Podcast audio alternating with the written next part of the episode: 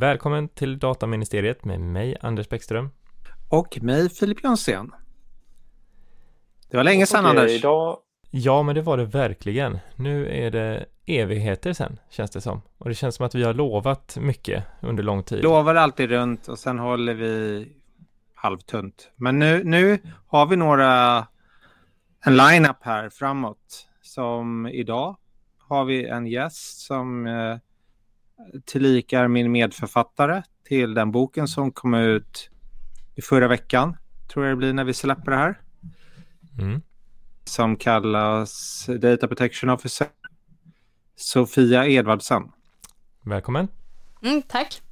Kul att få vara med. Sofia, du kan väl bara lite kort presentera lite om, om vem du är och eh, Eh, hur du hamnade på dataskydd. Jag tycker alltid att det är intressant att höra. Det är så kul att se alla de här olika vägarna som, som folk har tagit. Men hur kom du in på dataskyddet en gång i tiden och eh, vad gör du dagligdags? Mm.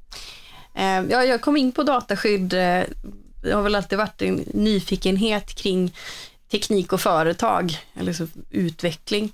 Eh, och det började egentligen att jag läste eh, dubbelt på universitetet, alltså både juristutbildning i Göteborg och eh, ekonomi och entreprenörskap mot IT på Chalmers. Eh, och då landade jag i eh, ett, ett jobb kring affärsutveckling, som jurist, men affärsutveckling på, på Nokias huvudkontor i Helsingfors 2006, när de var som störst och eh, hade alla resurser och ambition och fantastiskt roligt. Då var det dataskydd eh, som frågor som jag jobbade med ur ett privacy by design perspektiv, skulle man säga. Eh, och sen har det varit en, en tråd, jag ser ju som att dataskyddet är ett ben eh, i all kommersiell utveckling av digitala tjänster, it-tjänster eller liksom överhuvudtaget produkter, tjänster som eh, berör data på något sätt, personuppgifter eller anonym data då. Eh, och eh, karriärmässigt så har det blivit ett par år nu, eh, sedan 2006. Eh, gå fort eh, och det har varit eh, som inhouse counsel kring teknikbolag och startups. På, gjort juristlumpen i Göteborg på tingsrätt. Ehm, och sen ehm, på advokatbyrå, kanske främst då Baker McKenzie i Stockholm och så Londonkontoret med cloud och e-commerce och de frågorna. och sen nu fem och ett halvt år så driver jag en egen verksamhet, Sharp Cook Advisors, som är då fokuserat på digitalisering eh, och den kommersiella juridiken kring det. Så där ser vi ju dataskyddet som en del i våra projekt, oavsett vilka det är då. Och ibland brukar vi få klagomål på att vi inte förtydligar saker. Göteborg är en mindre ort som ligger i sydvästra Sverige och Helsingfors är huvudstad i Finland. Så har vi sagt det också. Mm. Precis. Som du jobbar nu så har jag förstått det som att du eh, jobbar delvis som dataskyddsombud eller Data Protection Officer apropå boken som ni just har skrivit. Stämmer det? Det är inte en eh, sned, sned uppfattning? Nej, eh, vi har roller, eh, vi stöttar ju både som, eh, ett, jag har en handfull eh, DSO-uppdrag Eh, Eh, jag försöker, in, jag försöker hålla dem begränsat just för att eh, det ska vara en eh, bra matchning mellan behov och liksom tid och, och typ av uppdrag. Eh, och också områden som är intressanta. Så att liksom, där har vi idag, och jag personligen som lead då, uppdrag inom e-hälsa. Eh, väldigt intresserad av avancerade tjänster kring just väldigt eh, känsliga uppgifter som patientdata eh, inom väldigt digitala e-handel och online retailers med avancerad analys av data och skapa nya tjänster kring det för sina kunder. Så det är ju en intressant från ett e-privacy perspektiv också. Eh, och eh, sen eh, så är vi ju vad man kallar extern senior counsel i privacyfrågor, både till ledningsgrupp och eh, dataskyddsombud eh, i organisationer som, om man säger då, som är väldigt mogna eh, och har en stor egen kompetens. Och är man supernyfiken så är ju äh, registret över DSO allmänna handlingar. Så man kan ju gå till IMI och begära ut vad Sofia har för uppdrag om man är lagd åt det hållet. Ja, Ja, jag har såklart gjort det. Så att... Men det är inte bara på dig, jag har begärt ut på alla. Mm. Ja, men det ser man. Jag Nej, men det- det- det är väl just sina konkurrenter. Ja. Ja, Jag ser ju oss inte som konkurrenter. Du jobbar ju på bolag och har, har din lojalitet tydligt där och vi stöttar ju eh, andra företag och organisationer så, så att det, det är bara roligt. Eh, och sen är det väl att eh, just liksom av eh, advokatetiken sitter ju eh, och den- som en god konsult så eh, ska jag ju hjälpa mina kunder snarare än att det är sällan jag har uppgiften att vara publik talesperson åt dem. Eh, Så att det är inte att eh, man skyltar inte, eh, det är inte min uppgift så, utan jag har ju tur att de pratar om en och ger liksom, referenser och möjligheter så. Så det är en intressant fråga, för du driver ju en juristbyrå, kan man kalla det, eller? Mm, absolut, en affärsjuridisk byrå.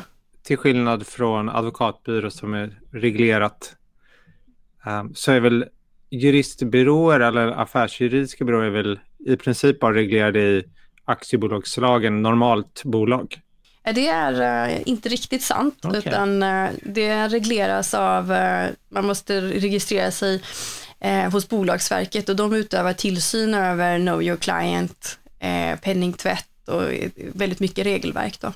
Så att det kommer stickprovs och kontroller emellanåt där man får visa upp liksom dokumentation och compliance. Okej. Så att det, det är ett ty tydlig eh, kontroll så. Eh, men på den frågan så eh, ser jag ju det här med eh, att jag valde att arbeta utanför advokatbyråsfären efter ett par år på liksom, storbyrå. Eh, och jag såg helt enkelt möjligheten att utveckla en byrå på långsiktigt mot en verksamhet som inte är möjlig att driva inom de traditionella ramarna. Och till exempel då, Eh, vi gör satsningar på, på legal tech-lösningar Eh, och en sån satsning är inte möjlig inom samfundets ramar. Eh, och jag värdesätter verkligen villkoren att driva och utveckla företag där byrån eh, inte tvingas att endast bli konsument, alltså köpa in tjänster och betala avgifter, utan vi är med och utvecklar lösningar och kunna återinvestera i den typen av verksamhet. Och själv upplever jag personligen att jag kunnat ta mycket större kliv snabbare och utveckla då lösningar kring kundprojekt. Fokusera mer på implementering av kundens lösningar än att då välja att stanna vid den juridiska rådgivningen och så säga att nej, men affärsbeslutet och hur ni bryter ner detta, det, det är inte del i mitt uppdrag. Skulle man kunna säga förenklat att du vill ligga närmare business och en advokatbyrå klassiskt ger mer rättslig rådgivning och utreder frågor? Ja, vi, vi gör ju båda och då inom våra liksom, nischområden och våra nischområden är ju eh, ja, IT, SaaS, eh, SaaS-upplägg, den typen av kommersiella avtal kring och molntjänster i stort och sen är dataskydd en bit då. Eh, men DSO-uppdragen som du har, Mm. du Mm. är ju externt DSO. Jag vet inte av- i sig om Shark Cookie har utsett ett DSO också. Eh, vi har inte den, eh, Ni Eh, har vi ingen skyldighet av- nej vi har ingen skyldighet. Eh, och inte heller frivilligt. Eh, nej, vi har inte gjort det än, utan där får jag väl säga, eh, delar ju vi de avvägningar som de flesta kunder, företag och organisationer gör. När eh, är det värt för oss att eh, sätta upp de processerna formellt och ta den nivån? Och det skulle jag väl säga att eh, visionärt så, så finns det ju framöver eh, och då ser jag ju en verksamhet som, som är kanske betydligt större och något mer komplex än, än den vi har nu. Jag, jag tror att de flesta som inte är skyldiga att utse ett dataskyddsombud inte heller har utsett ett dataskyddsombud. Det är min upplevelse. Uh, men som sagt, då, jag är ju internt dataskyddsombud på en bank. Vad skulle du säga är bra och dåligt? Fördelar med att vara externt, fördelar med att vara internt, nackdelar med att vara externt och nackdelar med att vara internt. Mm. Um, om vi börjar med externt då så tycker jag att um, fördelarna som jag ser och upplevt är just uh, vid uppstart, uh, det finns ett behov om man kör igång, då finns det lättare att man får till en med flygande start. Eh, hittar du lätt lämplig kompetens för din typ av organisation och behov och så vidare så kan du också få snabb start med rätt kompetens och en stor praktisk erfarenhet från en bredd av kunder i samma bransch eller olika branscher som ändå ger input. Eh, sen finns det då fördelar man kan spela på i den här externa rollen.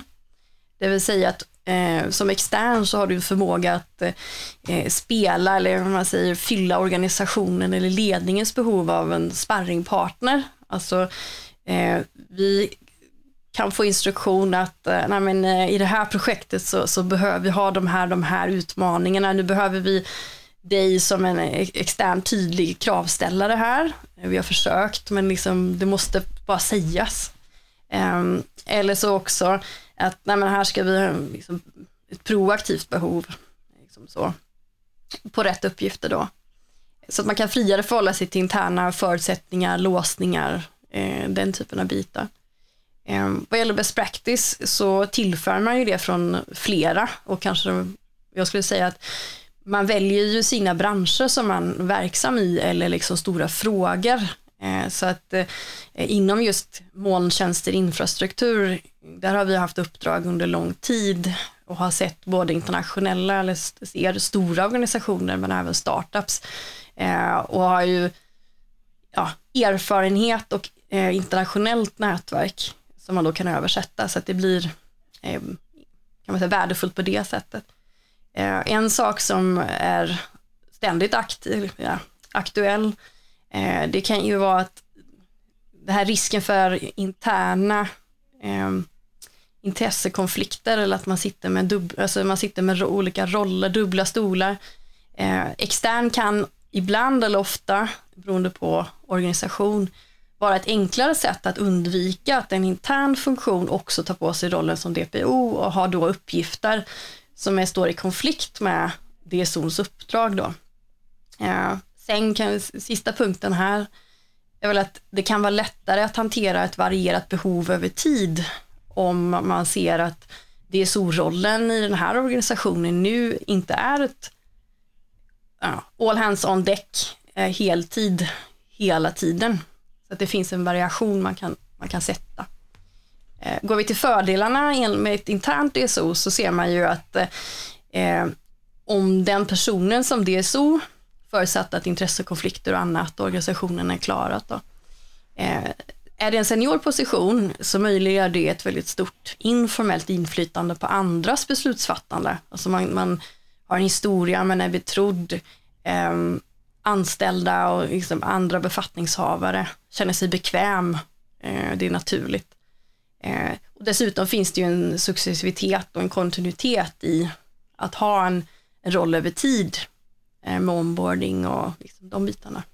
För jag tycker själv att det finns ju verkligen behov av både, alltså alla, inte bara externt och internt utan massa olika varianter av DPO såklart. Men när man bara ska ta den diskussionen tycker jag att trots allt finns det ju ganska små bolag som ändå har, uppfyller kriterierna för en DPO. Och det är lite orimligt att man ska kasta det på någon anställd. Då. Om säg att de är 10 pers eller 20 pers.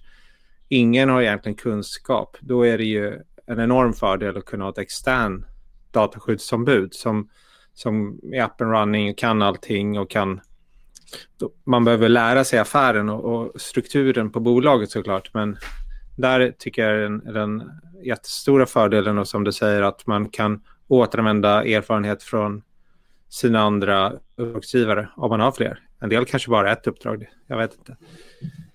Jag skulle säga att den stora fördelen också med att vara internt dataskyddsombud, um, ja, alltså förenklat skulle jag säga, ju större organisation desto mer skulle jag luta åt ett internt dataskyddsombud för det händer så väldigt mycket. Så att eh, om det börjar närma sig liksom hel, halvtid eller 60, 70, 80 eller 100 procent som i mitt fall. Mm. Eh, då är det ju, ja det blir lite konstigt att vara externt dataskyddsombud på 100 procent kan jag tänka mig. Och bara en enda uppdragsgivare. Det går ju såklart, men det som är bra med att vara intern tycker jag är att man snappar ju upp otroligt mycket hela tiden. Uh, man hör bara, vänta där, det där vad var det för någonting? Men det bygger också på, som du nämnde, en kontinuitet, att man faktiskt stannar på den plats man är under en viss tid. För om man hoppar mellan olika organisationer, då, då tappar man ju ändå det.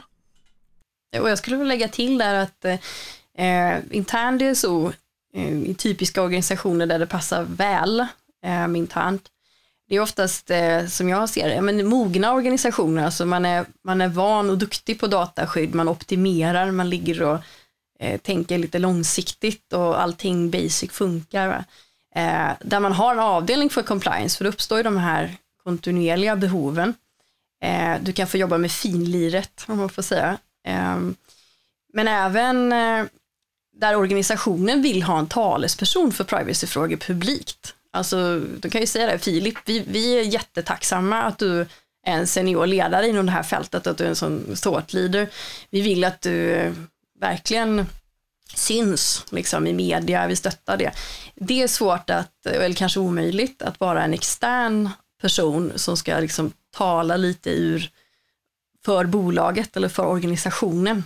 Eh, och det är någonting som är väldigt vanligt eh, från USA gärna, så att man jobbar med policy, eh, en policyroll. Sen i Sverige så ser man ju att eh, DSO-erna har vi inte riktigt den eh, policy ambassadörsrollen, men, men mm. likväl finns det ju många DSO-er som är som gör sig synliga, som sprider kunskap och, och därmed eh, liksom ökar respekten för sin arbetsgivare. Man säger. Ja, men det håller jag verkligen med. Men jag tänker på USA, då är det med så här Chief Privacy Officer som gör mer en strategisk roll kanske än en dataskyddsombud som är strategiskt fatt på ett annat sätt. Men... Mm. men precis, det är ju olika regler och kulturer och så, men, men kulturen kring privacy kommer ju från eh, Silicon Valley för länge sedan och arbetats fram. Så det är väl en influens som vi kommer att se framöver, att eh, just talespersonsbiten kommer att bli fortsatt eh, uppskattad. Eh, där Men vad tror du? Vi ser ju i USA, liksom, det, det, alltså, CCPA det börjar bli gammal redan, liksom California. Eh, den ja. har ju redan liksom snurrat ett varv. Och nu har vi sett bara häromdagen nya stater som kommer besluta. Tror du på en federal OBNI-lagstiftning på dataskyddsområdet i USA? under vår livstid? Um, Nej, men inom närmsta ett, två åren. Jag tänker nog inte sätta några pengar på det så, men eh, om man tittar på liksom nu eh, hur, hur, den frågan har hanterats så ser man ju att eh, Eh, till exempel eh, Joe Bidens chief of staff eh, har, varit, har en stor profil inom privacyfrågor och privacylagstiftning. Eh, bland det första beslutet man tog var att eh, sätta eh, dataskyddsfrågan med EU, alltså den här trade eh, hanteringen då, delvis stämmat från Schrems och privacy shielding, valideringen, så, som en av de absolut toppfrågorna. Så att utifrån eh, vad vi ser i faktiska beslut från nya administrationer så verkade privacyfrågor eh, värderas högt. Eh, sen så ser jag ju att det vore ju önskvärt, precis som GDPR ändå har åstadkommit en harmonisering inom den europeiska marknaden, att man kan nå dit i USA. Eh, för att det är en väldigt eh, svårorienterad eh, reglering. Man har sektorspecifika regleringar eh, som är rätt så smala, så man får hålla koll på väldigt många. Eh, och sen är det både då stater och eh, grupper grupper, alltså barn, är särskilt reglerat. Förutom att de kan vara föremål för ytterligare sektorbaserat. Men tror du, det var, var ju en diskussion, eller på, är väl en pågående diskussion om att kanske vissa stater inom USA kommer få typ ett adekvansbeslut istället för federal nivå. Jag är ja, lite jag skeptisk till det, men... Mm.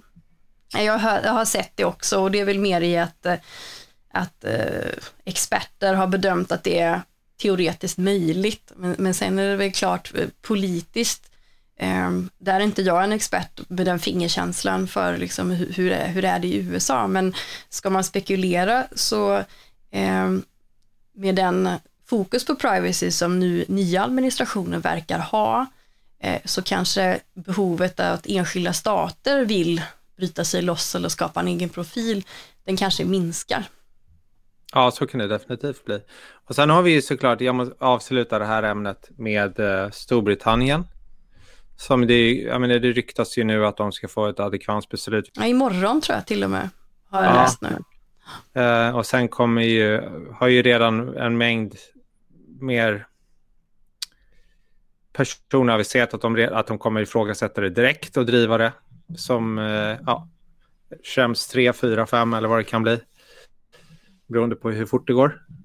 Så det, va, jag är inte alls insatt i deras övervakningslagstiftning och allting, men de har ju trots allt sin egen UK GDPR som är väldigt lik och kommer troligtvis även fortsättningsvis vara väldigt lik vår lagstiftning. Så då skulle det ju bara falla på andra delar. Och då är det, det, det, den gamla frågan som vi har tagit upp tidigare är så här att de har ju inte ändrat någonting från den ena dagen till en annan. Lagstiftningen ser likadan ut. De hade ju samma rättigheter till vad det nu kan vara, övervakning eller buggning, jag har ingen aning, som de hade dagen innan och helt plötsligt så, nej men nu är det inte adekvat skydd. Jag tror det här eh, Snoopers Charter kallas den i folkmun, det är lite längre namn rent formellt. Det är deras eh, lagstiftning för eh, massövervakning då av data som exporteras eh, till eh, UK. Eh, den är bara något år gammal så den är relativt ny. Eh, och den, det, det kom ju ett fall i oktober senast, eh, International Privacy, som då testade den eh, rimligheten i det. Och där underkände ju högst, ja, EU-domstolen att eh, GDPR, eh, att det var förenligt med eh, reglerna kring ja, skydd för den enskilda. Eh, och det är väl det man ser eh, var första gången, eh, finns ytterligare något fall vet jag, där det har testats. Så att eh, eh, en ärlig bild är väl att det adekvansbesluten är ett politiskt beslut som sen kommer att ifrågasättas eh, i domstolen och vi får, vi får se hur det blir. Men precis som att eh, Schremsdomen inte eh, är en tydlig indikator på, alltså det är inte svart och vitt, det är inget förbud mot en viss typ av leverantör eller viss typ av tjänster, utan det ger ju, blir lite mer komplext eh, om man kan gå till att vissa saker anses inte lämpliga. Alltså i ett verkligt perspektiv det finns olika risk och olika lämplighetsgrader att välja leverantörer beroende på vilken skyldighet jag har att skydda min data.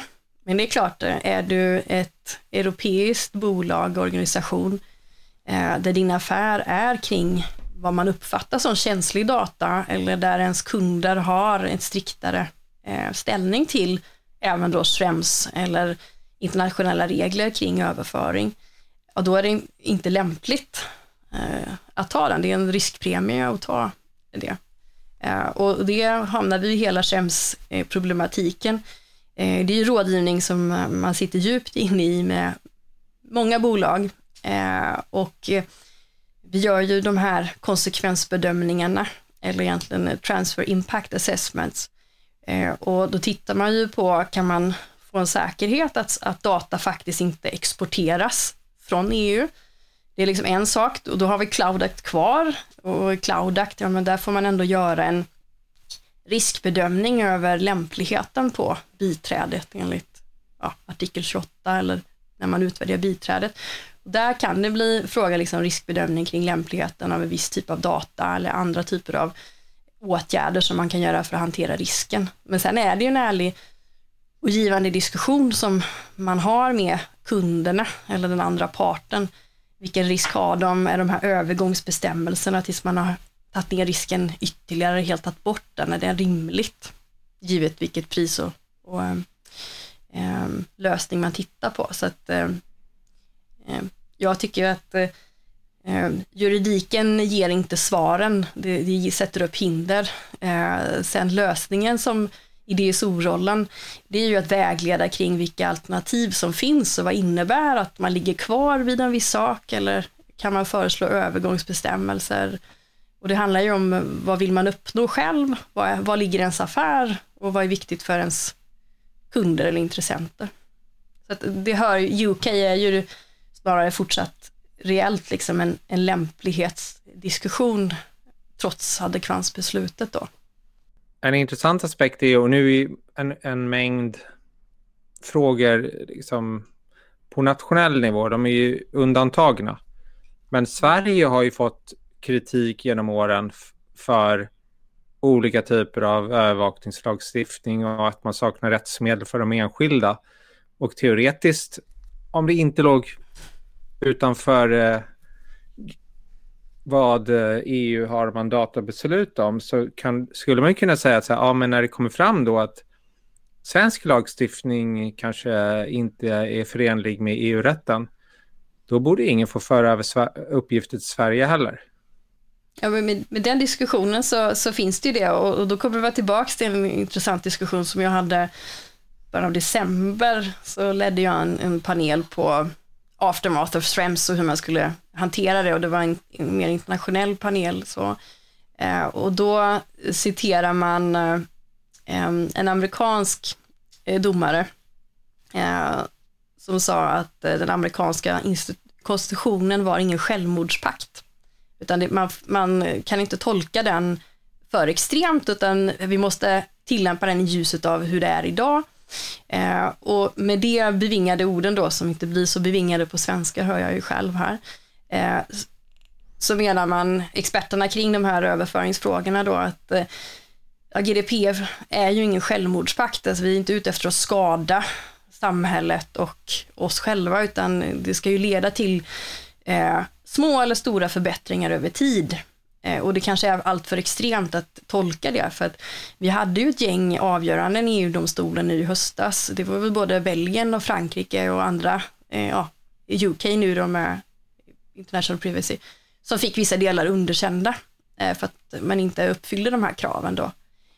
Men Sverige framhålls ju ändå utifrån det här fallet Centrum för rättvisa, att vi har, vi har klarat oss. Sen tror jag att det ligger för överklagande och ska prövas igen. Men jag, jag pratade med historiskt så har vi ju åkt på en del däng i, i domstolen. Um, och då menar jag riktigt historiskt, alltså många år tillbaka. Låt oss lämna Schrems, även om Schrems alltid kommer upp, precis som att covid alltid kommer upp i privata sammanhang. Det går liksom, vissa ämnen går inte att undvika. Det är ju så. Men vi var inne på det här med rådgivning som väl både advokatbyråer, juristbyråer och även vanliga DSOer interna. Hur ska man balansera mellan den rådgivande rollen som ju ligger i dataskyddsombudets roll och den, som man kallar det, interna tillsynen eller? Ja, nej men eh, jag tycker väl att det är olika olika organisationer vilken kultur som finns och, och vad de anser sig behöva. Eh, men jag kan väl säga att det är svårt att göra mer tillsyn än vad man har stöd för från ledningen. Um, och det gör ju att det är väldigt viktigt att oavsett om du är intern eller extern, att man pratar klarspråk eh, på det sätt som är lämpligt och man hittar rollen tillsammans med organisationen. Alltså vilken take på DSO-rollen behöver ni nu? Eh, hur mycket fokus på, är det fokus på tillsyn, är det fokus på ja, proaktiv om vi förenklar det till det då. Eh, och där ser ju organisationerna olika ut. Vissa bolag går ju att, alltså vi pratade om, som har väldigt stora kom, egna compliance-avdelningar, går ju till att dela upp rollerna lite mellan avdelningar och hålla mer en eh, tillsynsrevisorsavdelning och sen en rådgivande avdelning. Eh, och i vissa fall så är inte behoven såg utkristalliserade. Är det förenligt med DSO-rollen att ta den typen av direktiv från ledningen? Ja, men man får ju tänka på liksom hur de tas. Eh, utan eh, jag ser ju det som när man startar upp ett uppdrag, eh, då tittar man ju på, man, då gör man en nulägesanalys av mognaden. Vad har vi här framför oss? Då, liksom baserat på, på någon slags gapanalys. Eh, och sen så ger man ju sig sin eh, objektiva bild då, alltså utanför perspektivet. Om det här stämmer så ser det ut så här och ser. Eh, jag ser de här gapen Eh, och det, är eh, rim, det framstår som rimligt att givet de här eh, konsekvenserna av, både i missade affärsmöjligheter kan det vara, men även risk för visst böter eller annat, att man ligger helt fel, eh, att det blir den här fördelningen. Eh, och ehm, det brukar alla gå med på. Man kan ha, det är oftast en ögonöppnare. Eh, det är inte alla som jobbar på, har jobbat på ett best practice-sätt med tydliga ramverk där man kan ha en, etablera en startposition eh, när man kommer in i ett uppdrag och sen så man kan visa resultat över tid då. Ehm, som är, ja, oftast så, så går det bra och skulle jag, i alla fall det är väl personligt, men eh, jag skulle inte acceptera ett uppdrag där man har diametralt olika uppfattningar och det inte finns en, en väg framåt, dialog. I det här, eh, du nämnde att du har jobbat med det här sedan eh, många år, 06 var det? Ja, det var första gången eh, man kom, kom i kontakt med det perspektivet så. Sen har det väl skiftat i procent i hur mycket man fokuserar över åren. Men de här DSO-rollerna du haft, eller liknande roller får vi också inkludera, ja. har du på något sätt ändrat approach eller åsikt om hur man ska ta sig an det? Nej, det skulle jag nog inte säga ändrat åsikt, utan jag är ju öppen för att det finns de reglerade uppgifterna, eh, där tillsyn är en av dem, och att det finns de rådgivande uppgifterna, att man skiljer det. Och, eh, nyckeln till det för oss och våra kunder har varit att eh, man gör den här tydliga starten då med förstudie, mognad, nuläge eh, och sen så skiljer man på de uppgifterna eller processerna så att det finns ett flöde med, med datum och kanaler kring reglerade uppgifterna och där eh, kan man ju också, liksom, eh, det är inte alltid samma personer man träffar där eh, som den, de kanalerna och aktiviteterna som planeras och dimensioneras för de rådgivande uppgifterna. Så att jag tycker det fungerar väldigt bra att skilja det. Det viktiga är att man är så pass eh, ja, kunnig eller tydlig, eh, konsekvent i hur man ja, identifierar uppgifter. Eh, men det är ju klart som som extern, precis som intern, så, så, är det ju det vi tänker på varje, i princip i varje uppgift som kommer. Vad, hur klassar vi det här? Vad är detta så någonting? Så att man gör uppdraget eh, på ett effektivt och korrekt sätt. Personligen tycker jag att man har, när man är nykläckt jurist, är man, man är ju väldigt mycket jurist när man kommer från juristlinjen. Så man är väldigt, man lutar sig mycket mot juridiken och ju äldre man blir, ju mer erfarenhet man får, så lutar man sig på något sätt mindre och mindre mot juridiken och mer och mer mot andra faktorer, eller man ska säga, jag vet inte, liksom affärs, att man, man argumenterar på ett helt annat sätt. Man, man tar, ofta så kanske man inte ens nämner lagstiftning, utan den ligger där och skvalpar i bakgrunden, men man, man tweakar det som ett rent affärsråd. Och det kunde i alla fall inte jag göra när jag tog eh, examen. Jag hade inte den erfarenheten från liksom, att sitta ute i en organisation, ett företag. Det, det ser man ju absolut. Eh, och, den balansakten, eh, vi har ju ta, jag har ju tagit DSO-roller först när jag har varit väldigt erfaren, om man säger. De, de, de, den rollen erbjuds ju inte eh, typiskt sett för tidigt. Det är någonting man förtjänar eh, och då har man ju det sättet att arbeta som, som du, eh, du är ett bra exempel på och du gav ett bra exempel också på det. Eh, hur ser du på ehm, den här rådgivande delen liksom i DSO-rollen? Hur, hur pass långt tänker du att eh, man kan gå i råd? Alltså i rådgivningen. Jag har ju tänkt sådär, beroende på vad det är för organisation, så är det kanske så att det inte finns någon som kan dataskydd bättre än just dataskyddsombudet. Ehm, och att då ställa krav på att organisationen själv ska ta fram olika typer av styrdokument eller förslag till det åtminstone.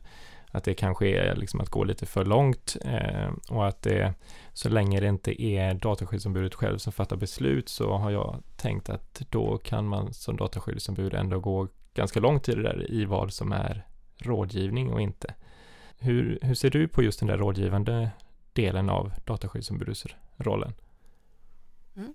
Ja, men det, det exempel som du ger, det är ett bra exempel på eh, rimlig väg att gå. Så att säga att eh, man har ju först en inledande diskussion, liksom, vad vill man uppnå och vilka liksom, förutsättningar finns, eh, givet ett utgångsläge. Eh, sen kan man ju absolut ta fram dokumentation, eh, men där är jag noga med att ge alternativ eh, och eh, uttrycka riskbaserat eh, konsekvenser eh, med de olika alternativen.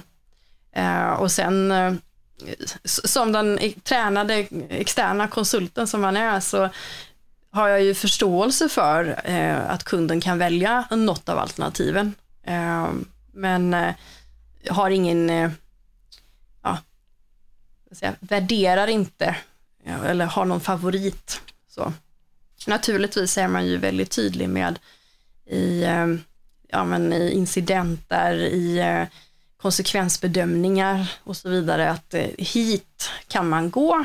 Skulle ni gå längre, ja men då innebär det, kan det innebära detta och detta. Eh, men då är det ju väldigt viktigt att eh, vi fokuserar ju mycket på att sätta för att vara effektiva också, sätta bra processer och dokument och flöden kring de här typerna av beslut eller projekt. Så att det blir inbyggda dokumentationer av att om de inte håller med DSOn så dokumenteras det och då blir det väldigt tydligt. Så att inte att man gör allt och får saker muntligt eller är liksom för smidig, eh, utan det behöver, i de här reglerade uppgifterna eh, där man behöver ha koll på gränserna, eh, att det är tydligt steg för steg var saker kommer ifrån och då finns det inga konflikter i det utan vi har olika roller, det är tydligt. Jag tycker att det oftast även ett startup, eh, eh, andra gången de gör riskbedömning så är de fullt med på eh, rollfördelningen i, i de samtalen och ehm, vi har jätteintressanta diskussioner där man inte håller med men ändå kan se var man kommer ifrån. Eh, så att det tycker jag är mycket ens eget, alltså om man är den mest erfarna inom det här så har man ett stort ansvar att faktiskt titta på att sätta en process som eh, uppfyller GDPRs krav men ändå är görbar och inte skapar flask, varken flaskhalsar eller ytterligare problem för organisationen eller, eller den egna rollen. Då en, en lite som hänger på där vill jag nämna att en, en distinktion som jag har gjort som jag tycker är väldigt viktig för mig är att jag aldrig företräder den personuppgiftsansvariga utan den personuppgiftsansvarige får själv representera sig i frågor och sådär. Jag kan absolut vara i bakgrunden men jag kan inte till exempel om, jag, om man behöver svara till IMY eller om, i andra sammanhang, då, då tycker inte jag att dataskyddsombudet kan göra det. Man kan stå med som på kopia och man kan stå med att man har varit med i framtagandet av yttrandet eller vad det rör, absolut. Men man kan inte skriva under för det, på det sättet, för då hamnar man i de här, tycker jag, i, i dubbla roller. Jag kan se den eh, avvägningen absolut, utan eh, jag tycker eh, det är väldigt vettigt. för det, gör ju, det underbygger ju poängtera liksom betydelsen av att jo, men det är affären eller ledningen som faktiskt bestämmer inriktningen på verksamheten och eh, varför vi är i den här tillsynen eller i den här riskbedömningen just nu, det är ju för att ni har valt att göra på det här sättet eller att eh, riskbedömningen köpa in den här produkten. Det är ju inte ett eget beslut eh, längre ner så att säga. Och där har vi ju flera avgöranden som, som säger att DSO inte ens får fatta den typen av beslut. Sen kanske inte... jag kan tycka att de har dragit det lite väl långt i några ärenden. Ja, det ett, um, har varit väldigt mycket beslut på just uh, DSOns placering, organisation och intressekonflikt. Um, så det, det är positivt så att det blir en, en bra roll så att det inte blir problematiskt. Då. Så för att göra en bra roll, vad har man för egenskaper själv? Vad, har du några favoritegenskaper? Mm. Både hos dig själv och hos andra? Nej, men jag måste använda ett samlingsbegrepp, alltså att man har genuina servicekunskaper eller ja, det, det kanske ja, det hörs väl lite att jag inte är från Stockholm eller så, utan jag kommer ju från eh, Boråsområdet, så där är ju, eh, knallar är ju en tradition, liksom att man är en säljare. Nästan alla när jag växte upp hade bolag eller familjebolag och man var väldigt framåt. Eh, så att säljare hos mig är ju ett väldigt positivt begrepp och jag tänker inte på att man kränger en idé eller liksom något sånt, utan att man är service-minded, skulle jag vilja använda här idag då. Det vill säga, i det lägger jag att man har nyfikenhet för det nya, man har intresse för organisationen, verksamheten där man jobbar, teknik, man har förmåga att ha ett strategiskt tänkande, kanske då också ett hypotesdrivet arbetssätt. Det vill säga att eh, all fakta är inte alltid känd. Eh, och det kan vara svårt för om du kommer från juristperspektivet, men det är väldigt effektivt att jobba med i komplexa projekt eh, och i organisationer. Eh, men jag ska säga att man måste ha humor också, för att eh, det kan bli för allvarligt. Och för andra i organisationen lite tråkigt. Man får respekt att det är en, en, en nisch, men som är otroligt rolig, för den samlar så många kompetenser. Och så att, eh, Vad är en lämplig bakgrund? Måste man vara jurist eller? Jag tycker inte det. Va, vad tycker du? Så här, kan man ha näst... Jag kan säga min egen åsikt att man kan ha absolut alla bakgrunder. Det spelar ingen roll. Utan det beror helt på uppdraget. Sen är det såklart mm. i lagstiftningen står det i vissa krav, kriterier. Men så länge man uppfyller dem tycker jag man kan vara, man kan vara jurist, man kan vara HR, man kan vara IT, man kan vara mer management eller projektledare. Um, och så vidare och så vidare och så vidare. Nej, men jag, tycker det är det, ja, jag, jag, tycker det är det bästa med det här fältet, är att eh, det är en väldigt stor familj. Alltså behoven hos organisationer och företag är många och de är skiftande. Och det skapar stor plats. Eh, och egentligen eh, mångfald gynnar ju både kreativitet och innovation och det är ju det som behövs för att nå en bra och snabb utveckling av både vårt fält, det här breda privacy dataskyddsfältet, men även rollen som DSO. Eh, och det här behöver ju sättas i relation till en organisations behov. Eh, det finns ju, det går inte att jämställa liksom, utan eh, det man börjar säga nu och ser i USA men även i EU nu, särskilt när EU kommer med väldigt mycket regleringar, alltså på förordningsnivå som kommer gälla på en gång, detaljregleringar kring data governance har precis kommit, plattformar, eh, cybersäkerhet, olika direktiv där. Eh, om du jobbar där så är det tydligt att du behöver ha en genuin kunskap på det. Eh, det är något helt annat än eh, en organisation som har ja, viss typ av data som kanske är, in, är mer standard, eller vad man ska säga. Så det är väldigt olika. Eh, men det, det roligaste med eh, eh privacyfältet är ju att det är eh, väldigt verklighetsbaserat. Eh, det är inte en nisch som dominerar och det tycker jag vi ser också i de olika forum som finns. Jag är ju själv väldigt aktiv i IAPP och driver det svenska arbetet. Eh, och där är ju våra medlemmar inte främst jurister utan verksamma i organisationerna. Och det gör ju att samtalen kring best practice och hur man kan lösa saker och processer, förbättring, eh, går snabbare. Jag tänker att det är väldigt givande att ha just den nätverksbiten. Då kan vi göra, passa på att göra reklam för eh, uh, IAPP KnowledgeNet. Eh, ja, det är ju då, IAPP är ju världens äldsta och största organisation för privacy professionals som härstammar från USA och sen eh, GDPR har ju gjort att det har blivit ett jättetillväxt även i Europa. Eh, och KnowledgeNet är ju en ren NGO eller volontärbasis där vi är nu då fyra stycken här i Stockholm som eh, planerar events och utbildning. Eh, nätverk, ja vi nätverkar i virtuella chattar. Eh, vi har e-postlistor och den biten nu under corona. men vi har event planerade Eh, faktiskt med Filip som är vår gäst här den 24 februari. Eh, och därefter så eh, håller vi på, på att eh, prata samråd med Datainspektionen eh, där polisens dataskyddsombud kommer att närvara. Så att vi satsar på ett par events virtuella per kvartal då. Så det är välkommet även för icke-medlemmar att delta. Polisens dataskyddsombud är faktiskt nästa gäst i dataministeriet. Trevligt. Jag har två sista frågor. Ett, varför valde du att skriva en bok om just rollen som dataskyddsombud? Två, varför ska man köpa den här boken som du har skrivit? Eller vi har skrivit. Varför vi valde att skriva den?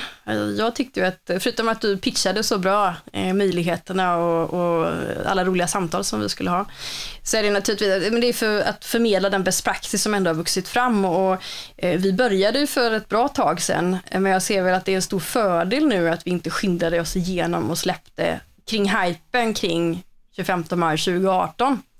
Utan eh, det är tydligt att boken har med just våra observationer hur GDPR faktiskt har implementerats.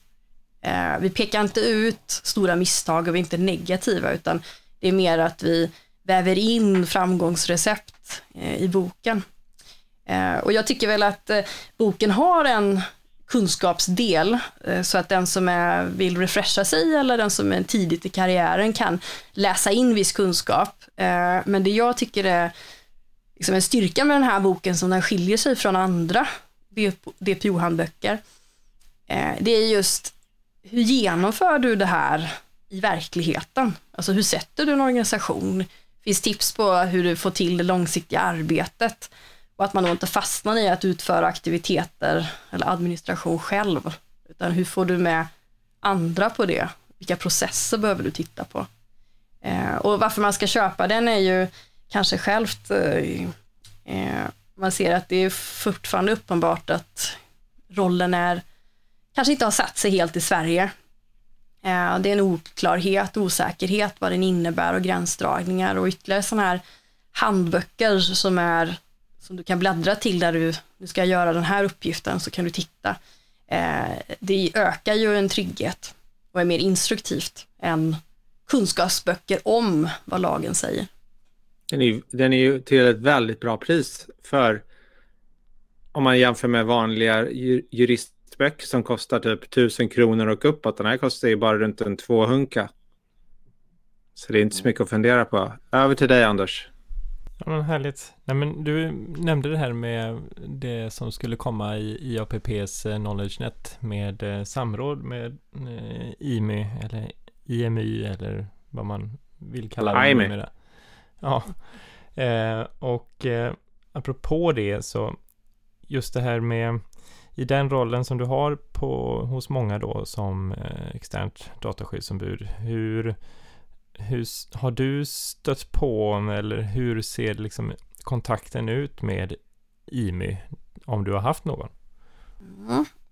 Vi har ju haft, jag har haft kontakt med IMY och tidigare Datainspektionen i eh, de flesta eh, fall, alltså förhandssamråd, tillsyn på plats, de här eh, mediala tillsynerna, eh, även skrivbordstillsyn, eh, interagera med, inte minst med registrator då, eh, upplysningstjänst och konferenser och så vidare. Men eh, Eh, jag tycker väl att eh, överlag eh, så är jag imponerad av kompetensen och servicen som man får.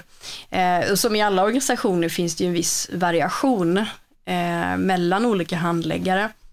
Och nu mer GDPR så ser vi att det finns ju vissa tecken på växtverk. Det har varit väldigt mycket nyrekryteringar samtidigt. Så att det är många saker som ska falla på plats. Men överlag så är de otroligt proffsiga och det är enkelt att arbeta med dem. Jag kanske har upplevt att de är lite för tillsynsfokuserade istället för samverkande, fokuserade, även i ett tillsynsprojekt då. Eh, och jag tror att ska vi nå en högre mognad i samhället kring de här frågorna och att svenskt samhällsliv och företag ska få bättre förutsättningar att konkurrera med digitala lösningar så kommer myndigheterna att behöva jobba ännu tätare med branschen.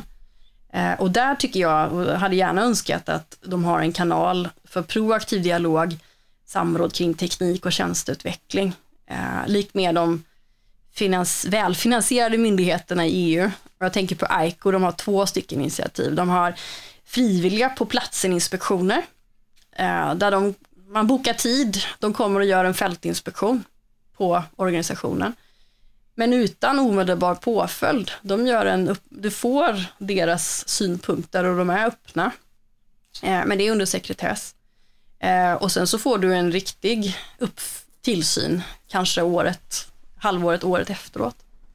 Eh, och den andra som de har är ju sin eh, regulatory sandbox, som de kallar det. Att du kan ansöka om att just din teknikutveckling kring känslig data ska få lov att vara med i nästa års klass. Eh, och eh, IK står sina egna kostnader och ställer upp en väldigt mycket kompetens, både IT-säkerhet, privacy engineering, design och juriststöd. Då. Eh, och då jobbar man in privacy by design i själva utvecklingen. Eh, och då, eh, man får ingen tillsyn där, eh, men tillsyn, man får påhälsning något senare. Eh, det leder och driver en bra hälsosam balans eh, och det hoppas jag verkligen då att för samhällets skull och näringslivet att eh, eh, IMI får de resurser så att de faktiskt kan genomföra det. Eh, för jag tycker det är en brist som kanske de inte råder över fullt ut, men att det inte finns tydliga proaktiva möjligheter numera eh, om du är en leverantör eller biträde, för det är ju där oftast teknikutveckling, tjänsteutveckling sker. Eh, utan eh, vill du ha en dialog så kan du inte få en dialog. Där blir ju, då drivs det mer att man blir väldigt eh, utsatt för kunders skepticism eller att man blir anmäld och får en tillsyn även om man var väldigt då framåt och proaktiv. Så att I den situationen, det leder ju till att leverantörer blir nu mer då, när Jimmy har det här jättetillsynsfokuset, väldigt beroende av att ha avancerad kompetens internt i sina projekt. Alltså behovet av en intern eller extern DSO blir mycket större, för det är den enda vägledningen du kan få. Eller rådet då. Eh, om du inte ska vänta på att eh, åka på en tillsyn och veta om din lösning håller nu med Schrems eller med vad det kan vara då. Så att, eh, jag såg också att det är lite på modet att ge högre budget här nu. Eh, Nederländerna röstade nu i början av februari att de skulle mer än dubbla anslagen eh, till sin dataskyddsmyndighet, så att de går från 180 personer till eh, nästan 500 tror jag det var. Eh, Irland har ju fått stor kritik med att det kanske till och med spekuleras att det skulle vara medvetet underfinansierat och att det är en del i attraktiviteten av många amerikanska bolag att etablera sig just där då. Eh, så jag tycker det finns eh, flera saker att liksom utveckla och jag ser ju att eh, de, han, de jurister och andra anställda på IMU som vi har haft kontakt med i de mer komplicerade kanske tillsynerna då, ehm, har ju väldigt hög liksom, ambition och en stor förståelse för sina branscher som de verkar inom. Så att, eh, jag är väldigt trygg med att de skulle klara att ta sig an ett sådant uppdrag på bästa sätt. Eh, hoppas bara just att eh, det blir så också. Annars, annars så, eh, tricket är ju att man får se om man har någon koppling till andra länder och gå igenom deras myndigheter och få det här stödet. Eh, och då blir det ju inte riktigt anpassat för ja, våra lagar eller vår, vår kultur och här i Sverige. Nej, men jag tänkte på det, för jag var inne på det samrådet och, och nu finns det ju förhandssamråd, men det är ju under väldigt speciella förutsättningar. Medan tidigare, då kunde man ju skicka in ett, ett uh, samrådsförfarande som personuppgiftsombud. Jag, jag kommer inte exakt ihåg eh, hur man gjorde, men det har man tagit bort och jag tycker det är ganska uppenbart att IMI inte vill ha den typen av ärenden utan de vill antingen ska man ju har det enligt GDPR då liksom förhandsområde och det här har de ju underkänt typ alla utom ett eller två på att det, det brister i förutsättningarna. Och, och då har, man, har de ju inte fått något samråd alls. Um, och jag tycker det och sen förut fanns det ju också tror jag, så dedikerade informationskanaler för personuppgiftsombud. Vilket jag tror att man har diskuterat, men det har inte genomförts i alla fall än. Så att jag kan ju säga att man, man är lite grann... Man vet inte riktigt idag hur man ska göra om man bara vill ha råd. Eh, jag vänder mig väldigt ofta till ICO i deras chatt. Den tycker jag är helt suverän. Eh, ICO, KNIL och de olika tyska eh, förbundsmyndigheterna är bra, lite beroende på vilken kan man säga, teknisk inriktning som eh, ens organisation har. Så att, eh, vi jobbar ju väldigt internationellt för att få best practice att stämma av. Eh, hade ju gärna, och jag kan säga också, vi har också bra dialoger med ämneskunniga i de olika eh, vad säger man, eh, avdelningarna som, som eh, svenska IMI har. Men jag hade ju gärna sett att de kompetenta människorna här, att de får lov att ta de här diskussionerna också, för de skulle kunna göra det jättebra. Ja, de, alltså, jag, jag tycker också att om man jämför med hur det var tidigare så har de gjort ett enormt arbete. Alltså, jag tycker Lena har gjort ett kanonarbete jag kanske tycker att de har tappat lite grann, men det kan ju bero på pandemin också. Jag tycker att första året, ett och ett halvt åren, var de lite starkare i sin progressiva utveckling än vad de har varit sista halvåret. Ja, men det kanske är så.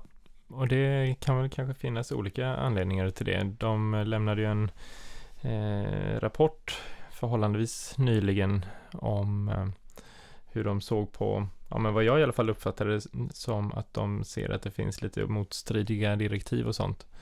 Eh, sen vet jag inte, den här rapporten var väl hyfsat eh, lång i alla fall, så den kanske tagit mycket tid i anspråk och mycket funderande. Eh, men sen är det väl precis som för många andra organisationer att pandemin gör säkert saker lite mer omständligt om inte annat.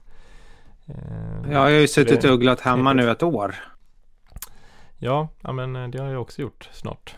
Jag, jag tyckte väl att eh, om man vill läsa de anställdas perspektiv, alltså hos IMI, eller dåvarande Datainspektionen, så finns det en väldigt bra rapport som Statskontoret har gjort, där de har gått in och liksom tittat på eh, hur effektiv är myndigheten, uppfyller de sina egna satta mål, hur sätter de mål, hur utvärderar de och vad är resultatet? Och den är ju intressant för oss som jobbar mot myndigheten för att förstå hur de jobbar och hur man kan eventuellt anpassa sig att göra deras jobb lättare.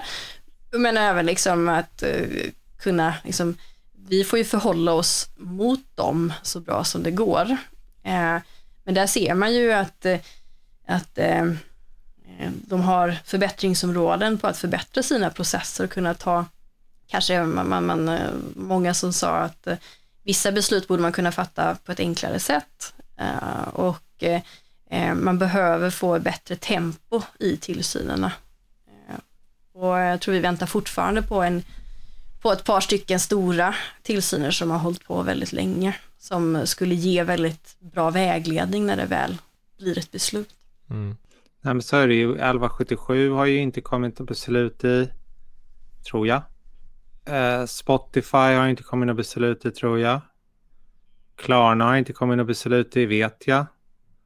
Och sen är det väl ytterligare några. Nej men jag tänkte säga just med IMU, för det har väl varit en sån där grej som, eh, apropå det här med att man ska kunna gå till enklare former av beslut eller lite lättare eh, ordningar och kanske inte Ja, om man jämför till exempel med danska datatillsynet som eh, då är ganska kanske i vissa fall kan uppfattas som att de skjuter lite från höften där i, bara i, i eh, som i olika grejer som dyker upp på LinkedIn eller att de kan svara lite eh, snabbt på olika grejer. Men å andra sidan så är det ju ofta eh, så att många söker ganska kanske förhållandevis enkla frågor som man ändå vill ha någon typ av snabbt svar på.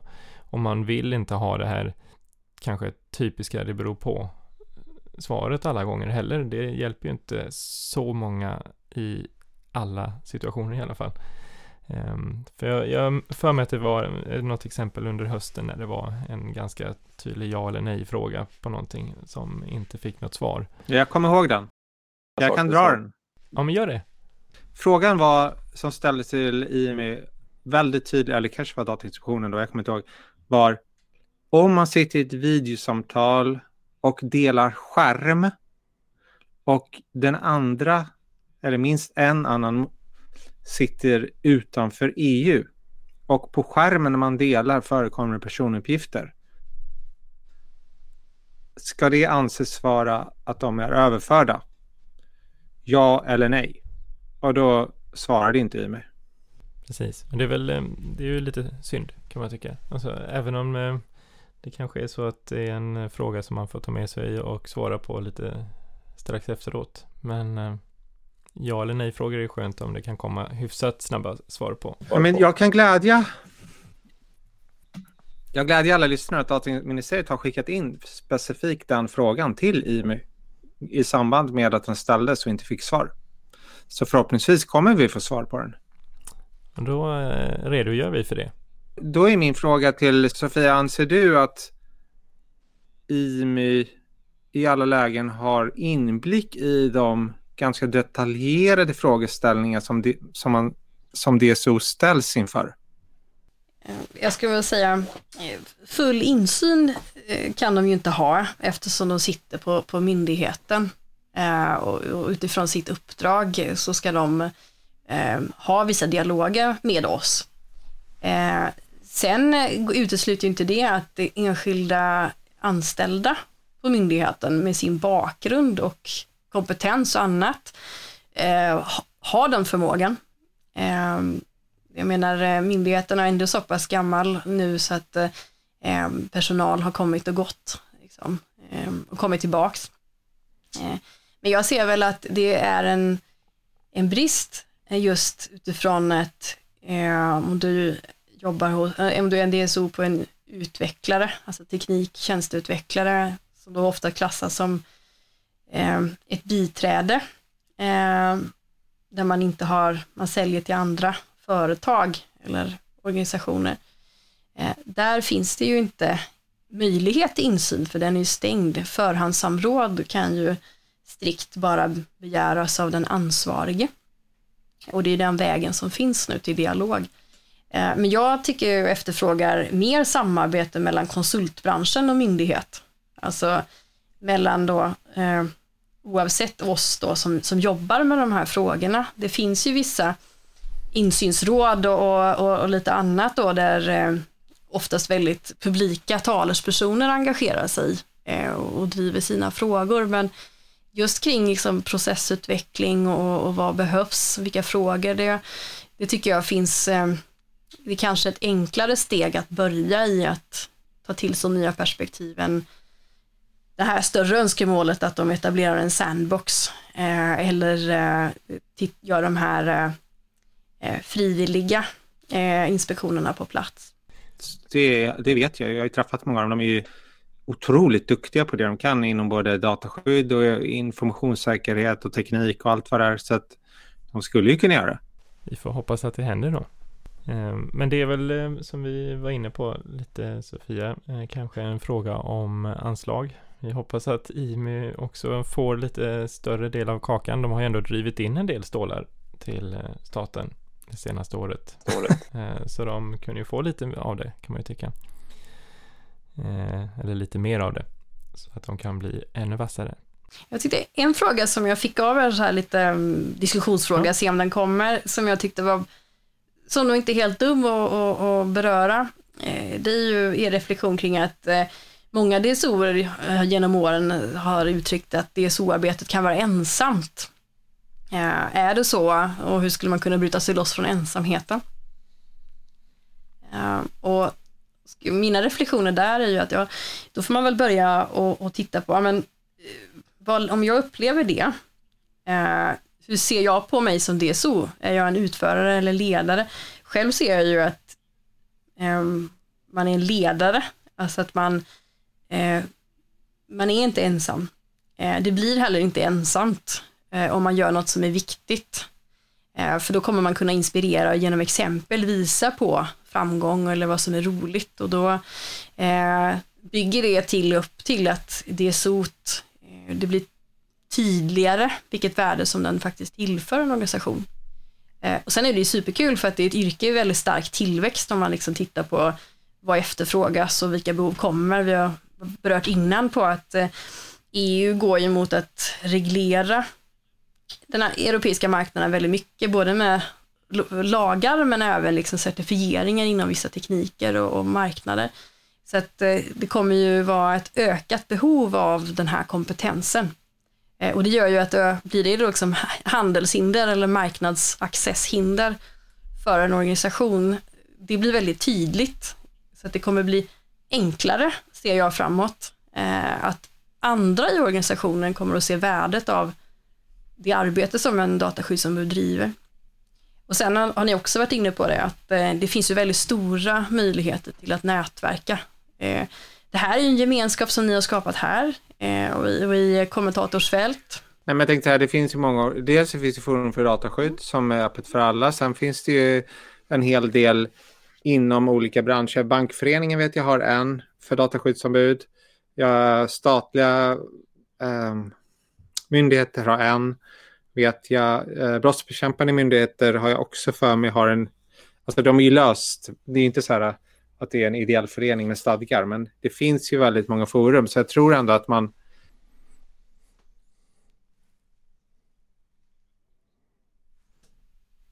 Absolut. Eh, och, och, sen så på, på, många sätt så, så i och med att det är en, man är inte bara eh, ansvarig eller man jobbar med tillsynen, det hårda perspektivet, utan eh, för, för de flesta organisationer så är ju DSON en, möjliggörare i väldigt mycket. Liksom. Och att man sätter upp processer som undviker eh, det här hårda eller stoppförbuden. Eh, så att man liksom skapar eh, möjligheter och det i sig bygger ju väldigt bra eh, ja, möjlighet till eh, nätverk internt. Så att, eh, eh, jag skulle vilja säga att den här frågan kring ensamheten, den har jag väl mött oftast kring väldigt nya yrket som eh, inte riktigt har sett liksom, hur kan jag landa den här rollen bra. Man kommer kanske oftast från juristperspektivet eller kanske revision så att man har det perspektivet. Eh, men, men också för, för de som av olika anledningar har hamnat och vill göra en nystart. Det vill säga att man kanske har Eh, hamnat i en administratörsroll eh, och, och känner sig ensamt för att det är inte så prioriterade uppgifter. Eh, det framstår som tråkigt och kostnad och det, man är långt från värdet. Och till dem kan man bara upp, uppmana liksom att ta till er av eh, andras erfarenheter, läs Philips och min bok, eh, gå med på, lyssna till dataministeriet, nätverka eh, och ta initiativ så att rollen där man är kan utvecklas. Och är det inte så, ja, då har Filip även tips på i vår bok kring hur tar du nästa steg till nästa eh, jobb inom detta också, så att det finns stora möjligheter att utveckla både sitt synsätt Eh, men även sin karriär. Med det sagt, Filip håller på att runda av. Ska vi ta och runda av det här och eh, tacka så mycket Sofia för din medverkan och så hoppas eh, jag att ni får många ex sålda av er nya bok.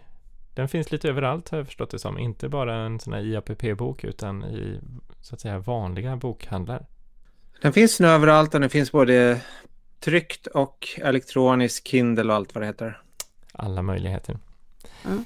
Det... Inte ljudbok än. Nej, men du har ju mikrofon. Sofia med. Men jag är så dålig på engelska. Ja, vi, vi, får väl se. Nej, men det, det jag hoppas med, med DPO-rollen är ju att den, den kommer att mogna och att eh, även liksom eh, ehm, vi inspirerar nyfikna personer oavsett bakgrund att eh, närma sig det jobbet för att det är en otrolig utveckling. Eh, man har inte tråkigt. Ehm, man lär sig mycket och man blir en viktig del i organisationen, särskilt då en organisation som där personuppgifter är nyckeln till mycket. Verkligen. Men eh, med det sagt, vi låter det bli slutorden tror jag och eh, Tack igen Sofia och eh, tack alla ni som har lyssnat på återhörande.